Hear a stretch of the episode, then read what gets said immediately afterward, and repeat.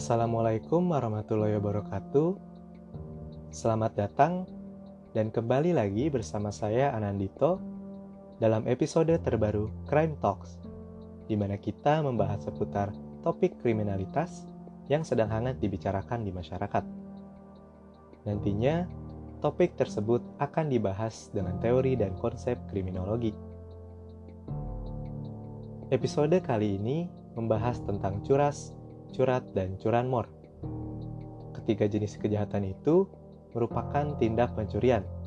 Pencurian dengan kekerasan, pencurian dengan pemberatan, dan pencurian kendaraan bermotor. Sebelum kita mulai, seperti biasa saya akan menggambarkan sedikit terkait kasusnya.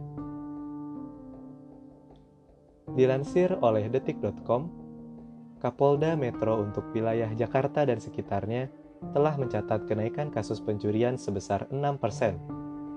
Hal ini terjadi selama pandemi COVID-19 di Indonesia. Meskipun keamanan Jakarta cukup kondusif, namun kasus-kasus pencurian seperti curas, curat, dan curanmor justru merajalela. Sebagai contoh, kasus pertama di sini merupakan perampokan nasabah bank yang terjadi di daerah Depok.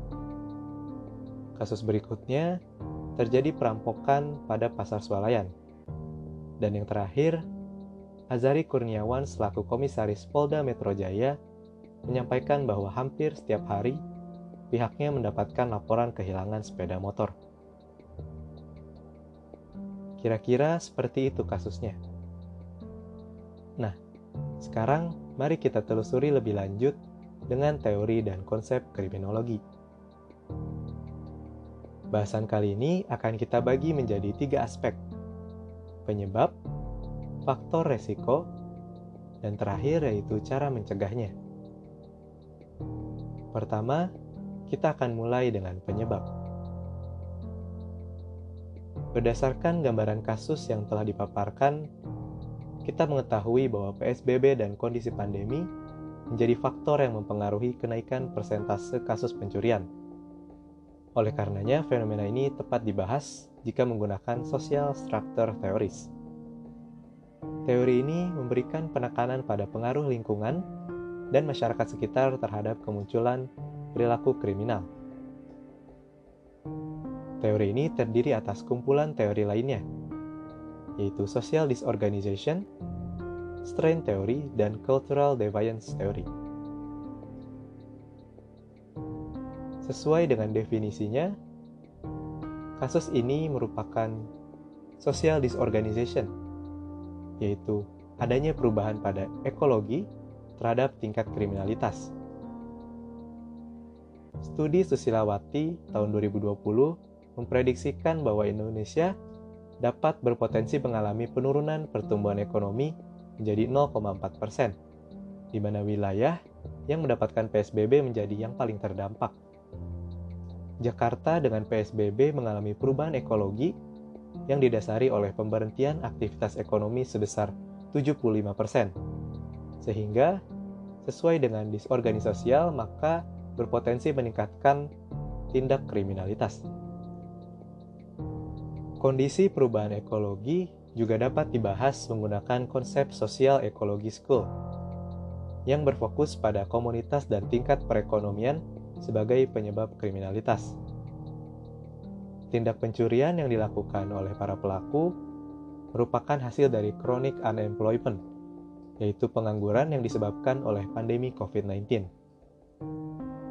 Karena nyatanya, penelitian Lai dan kawan-kawan pada tahun 2021 menemukan fakta bahwa Indonesia mengalami peningkatan jumlah pengangguran, tepatnya sebanyak tiga kali lipat lebih banyak dari negara-negara berkembang lainnya. Selain teori disorganisasi sosial, kasus ini juga dapat ditelaah menggunakan teori kedua yaitu strain theory. Teori ini berfokus pada kesenjangan yang dirasakan oleh sekelompok orang dalam suatu komunitas atau yang disebut sebagai relative deprivation. Tindakan pencurian pada hal ini terjadi karena faktor structural strain, yaitu ketegangan yang dirasakan bersumber dari keadaan ekonomi dan sosial. Menurut Prasetyan dari tahun 2021, tercatat bahwa sebanyak 3,5 juta pekerja di seluruh Indonesia mengalami PHK. Oleh karenanya, structural strain tersebut juga dapat dikatakan sebagai negative affective states karena orang-orang kehilangan pekerjaannya yang dianggap berharga. Selain itu, berdasarkan kategorinya, pandemi COVID-19 termasuk ke dalam community sources, di mana aktivitas ekonomi masyarakat terhalang oleh adanya PSBB dan PHK. Berkaitan dengan PSBB, kasus ini juga dapat dibahas dengan teori ketiga, yaitu Cultural Deviance Theory. Kondisi pandemi yang dirasakan masyarakat luas menghasilkan permasalahan baru, seperti pembatasan aktivitas ekonomi dengan PSBB atau social isolation, dan juga krisis ekonomi sebagai akibatnya, atau economic deprivation. Dengan demikian, penyebab terjadinya curas dan curanmor di ibu kota terangkum dalam berbagai bahasan teori social structure yang utamanya melibatkan kesulitan dalam perekonomian dan adanya pembatasan aktivitas. Bahasan kedua adalah faktor resiko. Faktor resiko merupakan hal-hal yang menjadi penentu terjadinya perilaku kejahatan. Jika kita lihat dari sudut pandang pelaku, rational choice theory dapat digunakan untuk membahas kasus ini. Teori ini berpandangan bahwa setiap kejahatan terdapat ada fungsi pengambilan keputusan di mana pelaku menimbang potensi manfaat dan biaya sebelum melaksanakan perilaku tersebut. Untuk kasus pencurian ini, pelaku mempertimbangkan berbagai risiko yang mungkin terjadi, atau yang disebut choosing crime, dengan acuan yaitu economic opportunity, di mana seperti yang kita ketahui kondisi pandemi COVID-19 berdampak pada krisis ekonomi dan mendorong pelaku untuk berbuat jahat. Setelah melihat sisi pelaku, faktor resiko juga dapat kita lihat dari sudut pandang korban. Teori victimization dapat menjelaskan kecenderungan korban sebagai pemicu tindak kriminalitas. Seperti yang tadi sudah dipaparkan, salah satu kasus pencurian ini melibatkan seorang nasabah bank yang ternyata kehilangan uang sebesar 80 juta. Nasabah tersebut merupakan suitable target karena dirinya baru saja mengambil uang dan sedang menuju tempat parkir. Sehingga hal tersebut mengundang pelaku untuk mengambil kesempatan dengan mencuri harta yang dimiliki korban. Sehingga hal ini disebut sebagai victim precipitation. Berikutnya, faktor eksternal yaitu PSBB juga menghambat rutin aktivitas atau kegiatan sehari-hari yang biasa dilakukan oleh masyarakat, seperti bersekolah, bekerja dari rumah, hingga kegiatan beribadah. Oleh karenanya, banyak daerah di Indonesia seperti Jakarta yang menjadi defiant place dengan pelaku curas dan curanmor berkeliaran di mana-mana. Secara keseluruhan, faktor-faktor tersebut menghasilkan kehadiran para pelaku yang telah berniat untuk meraup harta demi kepentingan mereka sendiri, sehingga mereka disebut sebagai motivated offenders. Kita telah sampai pada pembahasan yang terakhir, yaitu cara mengatasi atau pencegahan kejahatan. Untuk mengatasi kasus pencurian ini, rational choice theory menjadi teori yang tepat untuk diterapkan. Situational crime prevention dapat mengurangi peluang seseorang untuk melakukan tindak kriminalitas. Di mana targeting specific crimes mampu mengurangi kasus curas dan curanmor. Kita ambil contoh untuk kasus pasar swalayan. Tombol alarm dapat diletakkan di dekat kasir agar pelaku enggan untuk melakukan kejahatan karena tentu kehadiran alarm meningkatkan resiko munculnya pihak kepolisian. Selain itu, sistem pembayaran pada kasir juga dapat sepenuhnya menjadi e-cash, sehingga pencuri tidak akan mendapatkan reward apa pun dari pasar swalayan. Apabila upaya tersebut diterapkan secara menyeluruh, maka upaya pengendalian kejahatan dapat membantu mengurangi kejahatan di wilayah sekitar Jakarta, atau disebut sebagai discouragement.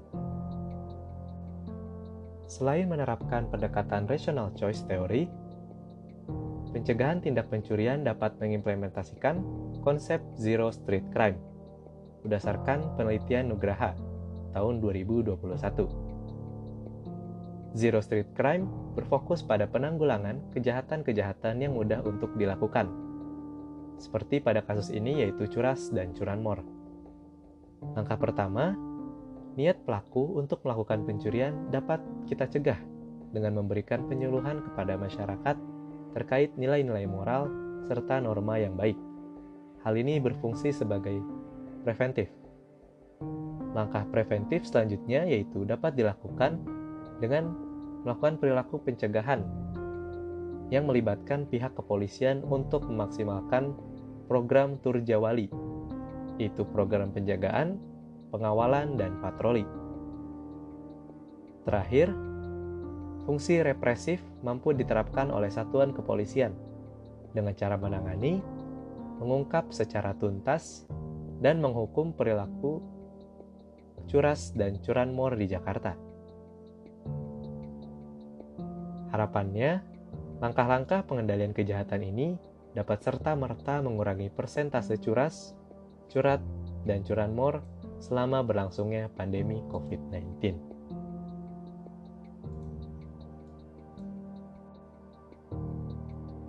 Kiranya seperti itu untuk pembahasan pada episode kali ini.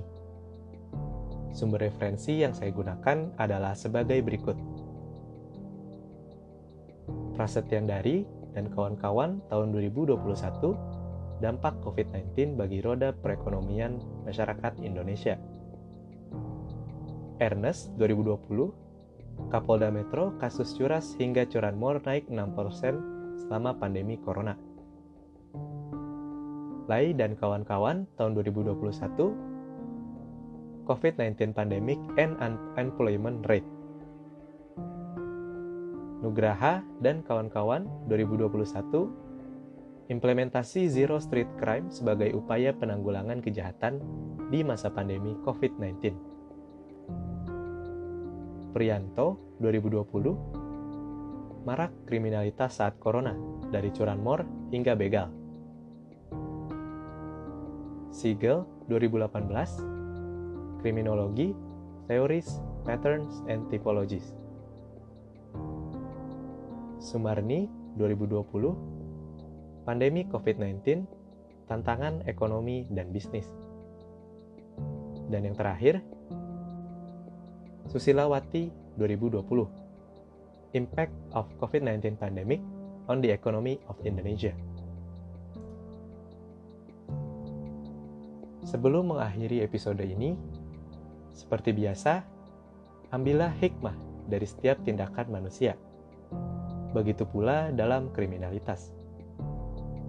Semoga kita senantiasa terhindar dari perilaku keji yang merugikan manusia lainnya. Stay safe, stay vigilant, and see you soon. Wassalamualaikum warahmatullahi wabarakatuh.